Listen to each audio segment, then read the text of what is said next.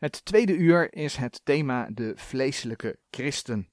En dan willen we beginnen met het lezen van een tekst uit 2 Thessalonicense 1, vers 3. 2 Thessalonicense 1, vers 3. Wij moeten God alle tijd danken over u, broeders, gelijk billijk is, omdat uw geloof zeer wast. En dat de liefde van een iegelijk van u allen jegens elkander overvloedig wordt. Er wordt gesproken over uh, wassen, omdat uw geloof zeer wast. Opwassen, wassen, dat is groeien. Groei in je geloof is belangrijk. Je wordt als geestelijke baby geboren in Gods gezin bij de wedergeboorte, als je tot geloof komt. En daarna groei je geestelijk tot kind, tot een geestelijk kind. Daarna tot een geestelijk jongeling en daarna tot een geestelijke volwassene. En dat alles in het geloof. Die onderverdeling kun je met name ook beschreven vinden in 1 Johannes 2, vers 12 tot en met 14. Een groei die Gods woordje overigens wil geven. In 1 Petrus 2, vers 2. 1 Petrus 2, vers 2 lezen we bijvoorbeeld. En als nieuwgeboren kinderkens zijt zeer begeerig naar de redelijke, onvervalste melk, opdat gij door dezelfde moogt opwassen. Die redelijke onvervalste melk verwijst naar de woorden van God. Maar dat geldt ook bij verdere groei. Wanneer het bijvoorbeeld om de vaste spijzen van het woord van God gaat. Je hebt Gods woorden nodig om te groeien. Dit is natuurlijk het ideaalplaatje. Zoals het geestelijk gezien eigenlijk zou moeten. Ik bedoel, in de fysieke situatie, in de natuurlijke situatie, groeit een mens ook. Als dat niet gebeurt, dan is er iets aan de hand. Dat is geestelijk gezien, is dat net zo. Maar wat zie je vaak? Dat christenen geestelijk gezien niet volwassen worden. Dat ze ergens in hun groei blijven steken. En dat is iets waar we allemaal alert op moeten zijn. En dan zoeken we 1 Korinthe 3 op. 1 Korinthe 3 vers 1 en 2. En in die verse lezen we het volgende. En ik, broeders, kon tot u niet spreken als tot geestelijke, maar als tot vleeselijke, als tot jonge kinderen in Christus. Ik heb u met melk gevoed en niet met vaste spijzen, want gij vermocht toen nog niet. Ja, gij vermoogt ook nu nog niet. Blijkbaar heb je geestelijke gelovigen en vleeselijke gelovigen.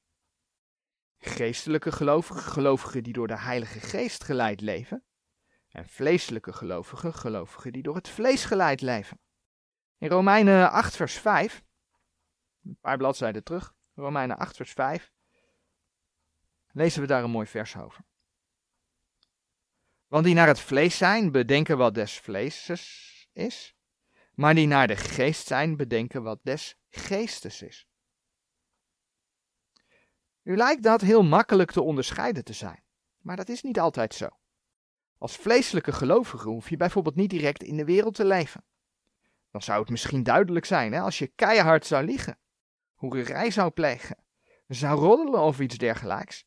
Dan kun je heel duidelijk zeggen dat je met de werken van het vlees bezig bent. Maar vaak zie je dat je als vleeselijke gelovige een bijbelse onderbouwing zoekt voor je vleeselijke wandel. Eigenlijk ben je dan aan het draaien met Gods woord om jezelf goed te praten, om jezelf te rechtvaardigen. En dan kan het ook nog zijn dat je het zelf niet eens doorhebt. Dus laten we een aantal voorbeelden in Gods woord opzoeken om te zien hoe een vleeselijk gelovige kan handelen. En dan beginnen we met het voorbeeld van Micha en zijn profeet in Richteren 17 en 18. Richteren 17 en 18. Wat we nu gaan bespreken is in principe het makkelijkst te herkennen. Want je doet heel gewoon hetgeen de Heere niet wil.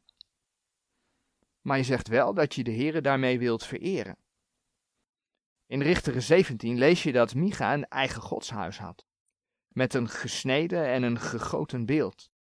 Dat beeld had zijn moeder laten maken. In Richteren 17 vers 3 lezen we daarover. Alzo gaf hij zijn moeder de duizend en honderd zilverlingen weder.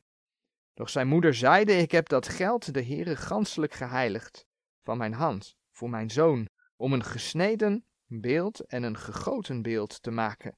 Zo zal ik het u nu wedergeven. In eerste instantie was een van zijn zonen priester. Maar toen kwam er een leviet langs, die tegen betaling wel priester wilde zijn in het godshuis van Micha. Dat kun je lezen in Richteren 17, vers 10 en 11. En kijk wat Micha toen zei in Richteren 17, vers 13. Toen zeide Micha, nu weet ik dat de Heere mij wel doen zal, omdat ik deze leviet tot een priester heb. De Heere was in de wet heel erg duidelijk. Als we in, uh, in de wet gaan kijken, Exodus 20, Exodus 20 vers 4 en 5, dat zijn de tien geboden, dan vinden we daar het volgende geschreven. Gij zult u geen gesneden beeld, nog enige gelijkenis maken van hetgeen dat boven in de hemel is, noch van hetgeen dat onder op de aarde is, noch van hetgeen dat in de wateren onder de aarde is. Gij zult u voor die niet buigen, noch hen dienen, want ik, de Heere uw God, ben een ijverige God, die de misdaad der vaderen bezoekt aan de kinderen, aan het derde en aan het vierde lid dergenen die mij haten. De Heere wilde niet dat het volk andere goden diende, maar de Heere wil ook niet dat wereldse methoden gebruikt worden om hem te dienen. Je kunt daar ook nog Handelingen 17 vers 29 bij zoeken.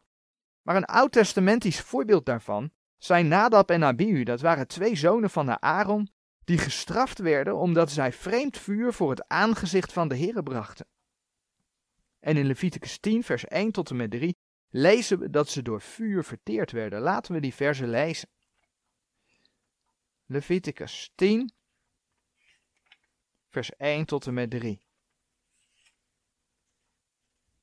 En de zonen van Aaron, Nadab en Abihu, namen een ieder zijn wierookvat en deden vuur daarin, en legden reukwerk daarop, en brachten vreemd vuur voor het aangezicht des Heren, het welk hij u niet geboden had. Toen ging een vuur uit van het aangezicht des Heren, en verteerde hen, en zij stierven voor het aangezicht des Heren. En Mozes zeide tot de Aaron, dat is het wat de Heere gesproken heeft, zeggende, in degene die tot mij naderen, zal ik geheiligd worden. En voor het aangezicht van al het volk zal ik verheerlijkt worden. Doch Aaron zweeg stil. En zo maakte de Heer duidelijk dat hij niet op een eigenwillige manier gediend wil worden. En dus zeker niet door een vermenging met afgodsbeelden. En toch kan de ongehoorzaamheid je een goed gevoel geven. Dat zien we onder andere bij de priester van Micha, want die werd later gevraagd door de stam van Dan om priester voor hem te zijn. Niet priester voor één man, voor één huis, maar priester voor een hele stam. Nou, en zijn reactie lezen we in Richteren 18 vers 20. Toen werd het hart van de priester vrolijk. En hij nam de efot en de terafim en het gesneden beeld. En hij kwam in het midden des volks. Dus we lezen, toen werd het hart van de priester vrolijk. Een blij hart is dus geen garantie dat je de Heere dient. Je hart kan ook blij zijn omdat je vlees gestreeld wordt, omdat jouw plannen doorgaan. En dan zien we dat het voor Micha niet goed afliep. Micha werd beroofd van zijn afgodsbeeld. Micha werd beroofd van zijn priester. In de versen 24 tot en met 26 van hoofdstuk 18 lezen we. Dat was toen uh, Micha de Danieten vroeg waarom ze zijn ja, goden afgepakt hadden. Toen zeide hij, gij lieden hebt mijn goden die ik gemaakt had weggenomen, met schades de priester, en zijt weggegaan. Wat heb ik nu meer? Wat is het dan dat gij tot mij zegt? Wat is u? Maar de kinderen van Dan zeiden tot hem, laat uw stem bij ons niet horen, opdat niet misschien mannen van bittere gemoeden op u aanvallen en gij uw leven verliest en het leven van uw huis. Alzo gingen de kinderen van Dan hun weegs. En Micha ziende dat zij sterker waren dan hij, zo keerde hij om en kwam weder tot zijn huis. En dat geldt vandaag de dag net zo. De Heere, en dan bladeren we naar Romeinen 12, De Heere roept je als gelovige op om niet wereldgelijkvormig te zijn.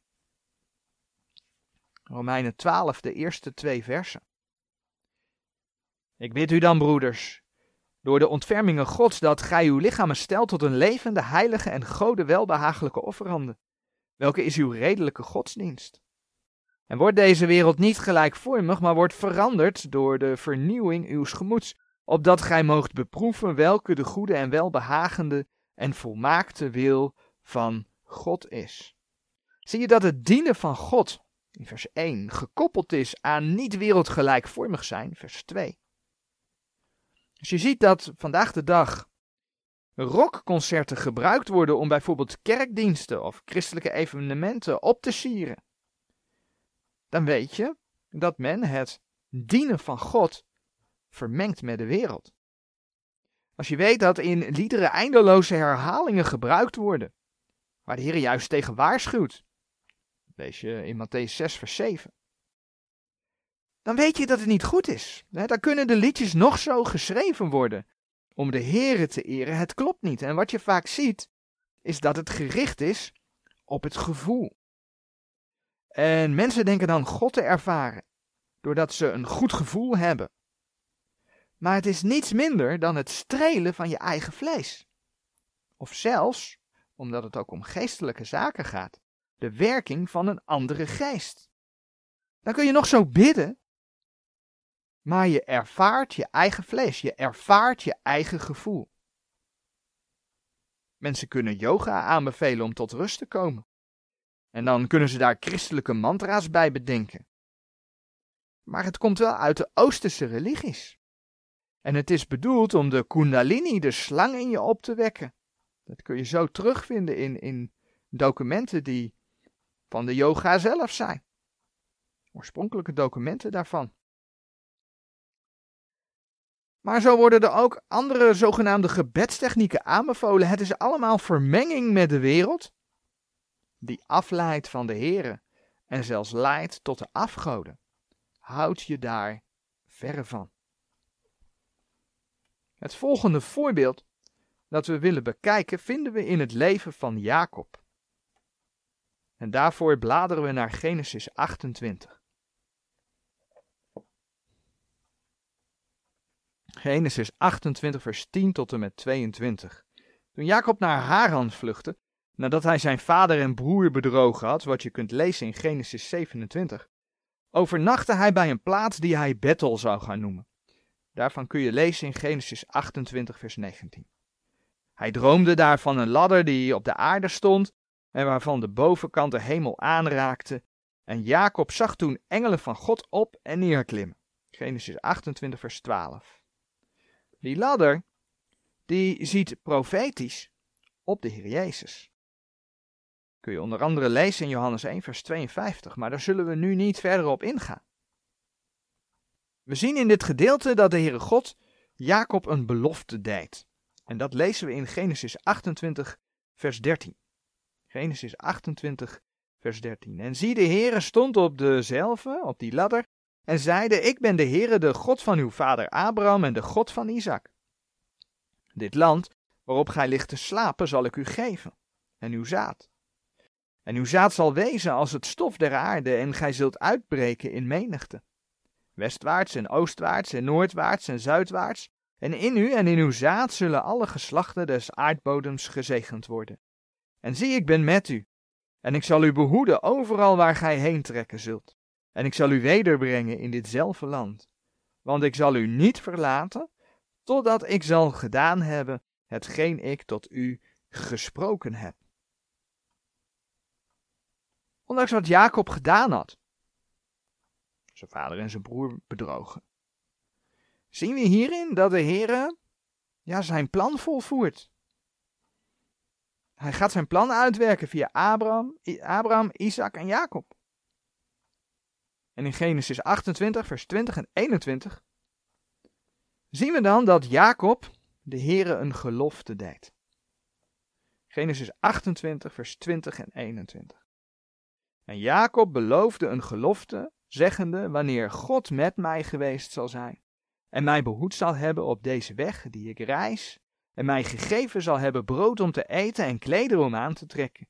En ik ten huize mijns vaders in vrede zal wedergekeerd zijn, zo zal de Heere mij tot een God zijn.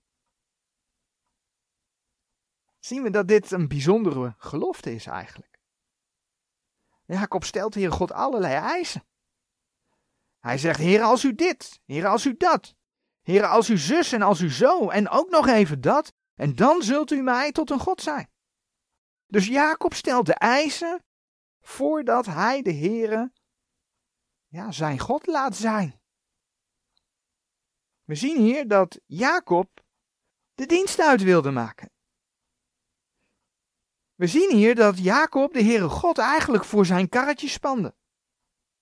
Want Jacob wilde gezegend worden. En dan pas zou de Heere zijn God zijn, zei hij. Het aparte is dat in die versen, Genesis 28, vers 20 en 21, vers 20 dan nu met name, ook de nieuwe vertalingen dat woordje wanneer op de een of andere manier weergeven. Maar als je dan in de naslagwerken gaat kijken, als je die erop naslaat, naslagwerken die niet bijbelgelovig zijn, dan zeggen die veelal dat Jacob de Heer geen eisen stelde. Ze geven aan dat het woordje wanneer, dat dat eigenlijk een omdat moet zijn. Dus met andere woorden, omdat de Heer hem zal helpen, daarom zal hij Jacobs God zijn. Men wil het eigenlijk als een bevestiging van Jacobs geloof zien, maar men past daarvoor wel het woord van God aan. Maar men vergeet dan echter dat deze Jacob net zijn vader en broer bedrogen heeft. Dat deze Jacob op een gegeven moment voor Laban wegvluchtte. Dat lees je in Genesis 31. En dat is dan al heel wat jaren later. Dat deze Jacob bang was om Esau te ontmoeten. Genesis 32. Dat deze Jacob met God worstelde. Genesis 32, vers 24 en 30. Maar ondanks die ervaring, ondanks die ervaring, die hij echt niet kon vergeten, want tijdens die, die ervaring dat hij met God worstelde en door God gezegend werd, werd hij door God geraakt bij zijn heup en, en hij liep mank. Maar ondanks die ervaring bleef hij bang voor Esau. Want je leest dan op een gegeven moment dat hij zijn familie in drie groepen verdeelde. En dan zette hij die de dienstmaagden met de kinderen vooraan. Ja, die dan wat gebeurde, hè. Maar dan Lea met de kinderen verderop. Maar degene die die het liefst had, Rachel met de kinderen, zette die helemaal achteraan. Dat was Jacob. Jacob vertrouwde de Heer niet. Jacob wandelde in zijn eigen vlees om zijn eigen plannen waar te maken. En daar past heel goed binnen dat Jacob zijn geloof en vertrouwen in de Heer helemaal niet uitsprak, maar dat hij, zoals de Heer het in zijn woorden bewaard heeft, zei: God, als u mij dat allemaal geeft, dan zult u mijn God zijn. Nou, Jacob is voor ons een voorbeeld. Een, een voorbeeld hoe het niet moet, maar dat zie je vaak in de schrift. Dat je dingen te zien krijgt zoals het niet moet, om te voorkomen dat je hetzelfde gaat doen. Als je in 1 eh, Korinthe 10 vers 6 kijkt, dat gaat over Israël, die als voorbeeld gegeven is. Het volk Israël dat als voorbeeld gegeven is. En dan zegt dat vers, 1 Korinthe 10 vers 6, en deze dingen zijn geschied, ons tot voorbeelden, opdat wij geen lust tot het kwaad zouden hebben, gelijkerwijs als zij lust gehad hebben. Dus het is als voorbeeld gegeven opdat wij geen lust tot het kwaad zouden hebben. Gelooft men dan niet dat een christen zo kan handelen dan? Of wil men dat niet geloven? Maar het gebeurt veel. Het gebeurt veel dat mensen denken: Heere God, wanneer u dit doet, dan zal ik u dat geven. Het gevolg is dat als ze het niet krijgen, ja, dat ze de Heer ook niet willen dienen. Men wil alleen maar volgen als een soort van, modern woord, zingeving in dit leven. Een andere redenatie is, als ik dit doe, dan zal de Heer mij zegenen. Je spant de Heere God dan voor je karretje. Je gaat voor de zegeningen. Je gaat niet voor de Heere zelf. Je gaat niet voor de Heere die de almachtige schepper van hemel en aarde is. En die voor jou naar deze aarde is gekomen om zijn leven voor jou te geven. Nee, je gaat voor je eigen vlees. Je gaat voor je vlees dat verzadigd moet worden. Jezus uh, zei in Johannes 6, vers 26. Dat uh, is na de geschiedenis van de eerste wonderbare spijziging.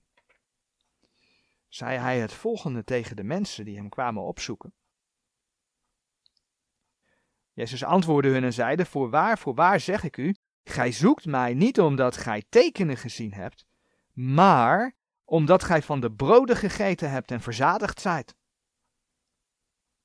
Dus het ging om de buik, het ging om de verzadiging. Gratis brood, lekker. Van valse leraars wordt ook gezegd dat zij hun buik dienen. Dat lees je bijvoorbeeld in Romeinen 16, vers 18. Maar laten we Filippenzen 3, vers 19 opzoeken. Filippenzen 3, vers 19. Dat gaat dus ook over valse leraars. En dat kunnen ongeredde valse leraars zijn, geredde valse leraars. En als een valse leraar gered is, maar een dwaalleer verkondigt, ja, als die gered is, is die gered. Eenmaal gered, altijd gered. Maar hij zal wel straks voor de rechterstoel van Christus verantwoording moeten afleggen voor wat hij gedaan heeft. Schade lijden daardoor. Maar dan lezen we in dit vers welker einde is het verderf, welker God is de buik en welke heerlijkheid is in hun schande de welke aardse dingen bedenken. Welker God is de buik. Ze dienen hun eigen buik. Dus hun buik is hun God. Men dient de Heere voor het gemak. Men dient de Heere voor de gemakkelijkheid. En daarmee jaagt men naar de verzadiging van het eigen vlees. Het laatste voorbeeld vinden we in koning Sal. In 1 Samuel 15.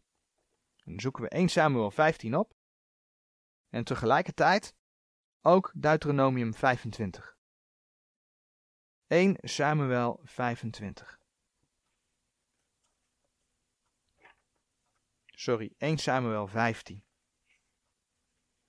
1 Samuel 15 en Deuteronomium 25. Toen Israël uit Egypte trok, heeft Amalek Israël aangevallen. Daarvan kun je lezen in Exodus 17, vers 8, Exodus 17, vers 14. Maar wij gaan daarover lezen in Deuteronomium 25, de versen 17 tot en met 19. Gedenk wat u Amalek gedaan heeft op de weg als gij uit Egypte uittoogt. Hoe hij u op de weg ontmoette en sloeg onder u in de staart al de zwakken achter u als gij moede en mat waart, en hij vreesde God niet.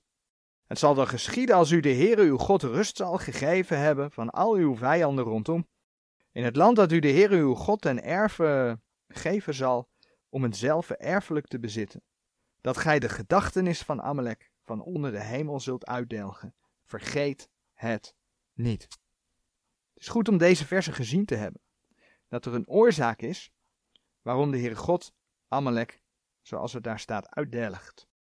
En degene die die opdracht kreeg, dat was koning Sal.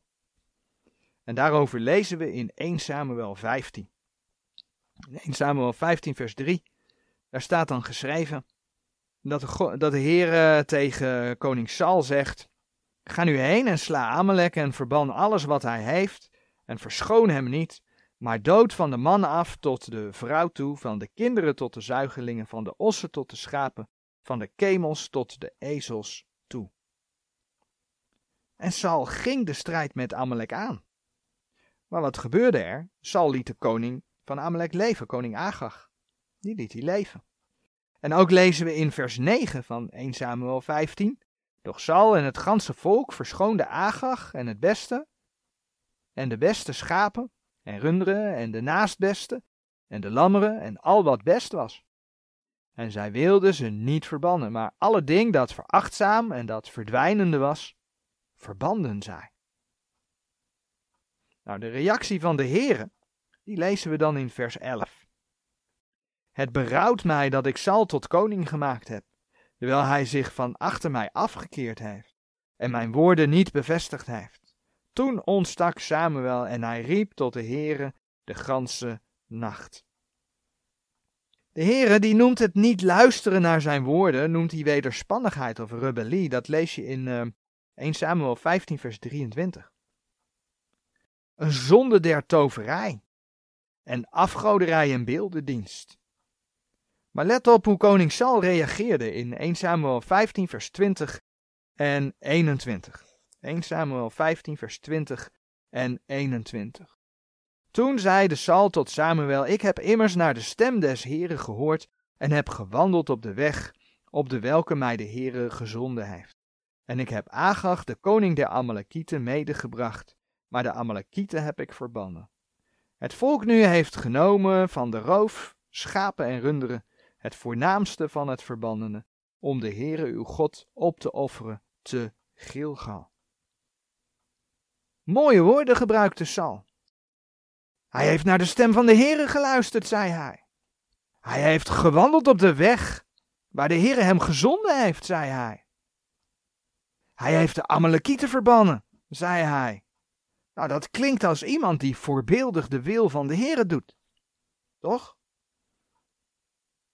En oh ja, datgene wat niet verbannen is, dat offeren we aan de Heere. Dus voor dat deel wat niet helemaal volgens de opdracht was, daar bedacht hij snel een reden, snel een smoesje voor. Want ze waren betrapt. En ja, dan moet dat natuurlijk wel een reden zijn die ook nog een beetje geestelijk lijkt. Een reden die nog een beetje met Gods woorden te maken hebben. Dus we gaan dan datgene wat we niet verbannen hebben, gaan we offeren. Dat is wat Saul zei. Maar het was dus wel een leugen omdat ze betrapt waren, omdat ze ongehoorzaam waren aan Gods opdracht. Samuels antwoord in 1 Samuel 15 vers 22 was dan ook, nog Samuel zeide, heeft de Heere lust aan brandoffers en slachtoffers, als aan het gehoorzamen van de stem des Heeren. Zie, gehoorzamen is beter dan slachtoffer, opmerken dan het vette der rammen. Maar dat zien we vandaag de dag ook. Een simpel voorbeeld. Je hebt als kind van je ouders de opdracht gekregen om je kamer direct op te ruimen. Als je dat, ondanks tegenzin, want opruimen is niet zo leuk, toch doet, omdat je weet dat de Heer gehoorzaamheid aan je ouders vraagt, dan is dat een juiste manier van het toepassen van Gods woord. Je handelt in gehoorzaamheid aan Gods woord, zoals bijvoorbeeld eh, Colossense 3 vers 20 zegt. Colossense 3 vers 20. Gij kinderen, zijt uw ouders gehoorzaam in alles, want dat is de Heere wel behagelijk. Zijt uw ouders gehoorzaam in alles. Dus als je dat doet, dan is dat overeenkomstig Gods woord. Dat is dus gehoorzaamheid. Maar ja, opruimen is niet leuk. En andere dingen zijn natuurlijk veel leuker. Je had die middag afgesproken met een vriend of vriendin. Weliswaar pas over twee uur. Maar het is een mooie reden om te kunnen zeggen dat je je woord moet houden aan je vriend of vriendin. volgens 2 Korinthe 1 vers 17 tot en met 20. Dus je laat het opruimen van je kamer achterwege en gaat direct buiten sporten. Met je vriend of vriendin. En tegen je ouders vertel je eigenlijk best wel trots hoe je de boodschap van het gisteren gelezen schriftgedeelte, die 2 Korinthe 1 vers 17 tot en met 20, hoe je dat in de praktijk hebt gebracht. En zo gebruik je Gods woorden, wat heel goed lijkt, om je eigen ongehoorzaamheid te bedekken. En waar was dat voor? Waar deed je dat voor? Nou, om je eigen vlees tegemoet te komen. Want het was leuker voor je om te sporten dan om op te ruimen. En dat gebeurt veel vaker. Dat gebeurt ook bij volwassenen. Allerlei bijbelse redenen aanhalen om uiteindelijk toch niet gehoorzaam te zijn aan Gods woord. En ondanks je ongehoorzaamheid wil je dan geestelijk overkomen bij je broeders en zusters. Een ander voorbeeld, wereldse vrienden aanhouden. En wat vertel je dan aan je naaste? Ja, ik vertel ze het evangelie, ik probeer ze het evangelie uit te leggen. Terwijl je het eigenlijk wel leuk vindt om met die vrienden op stap te gaan. Het een en ander te ondernemen, misschien wel naar de kroeg te gaan. Dus je gebruikt een geestelijke reden, eigenlijk een bijbelse reden, om het feit dat je je vlees wilt vermaken, uitgaan, naar de kroeg gaan, om dat te bedekken. Nou, daar had Saul ook last van, hè? dat hij dat hij bijbelse redenen gebruikte en uh, dat hij wel aanzien wilde. Bijbelse redenen gebruikte om, om bij, mensen, bij, bij, de, bij, bij de mensen in te zijn. In 1 Samuel 15, vers 30 lezen we dat Saul geen gezichtsverlies wilde lijden. In 1 Samuel 15, vers 30, daar staat geschreven. Hij dan zeide, ik heb gezondigd, eer mij toch, nu voor de oudste mijns volks en voor Israël. En keer weder met mij, dat ik de Heere uw God aanbidde. Zou dit een oprecht berouw zijn van Sal? Nee. Sal was bang dat hij gezichtsverlies leed voor de andere mensen. Voor de oudste van zijn volk. Daar was hij bang voor. En dat wilde hij niet. En zo handel je dus als vleeselijke christen, die geen gezichtsverlies wil lijden, die aanzien wil, die belangrijk gevonden wil worden. Je bedenkt mooie bijbelse redenen om je eigen plannen uit te voeren. Terwijl je daarmee een ongehoorzaamheid aan Gods woord camoufleert.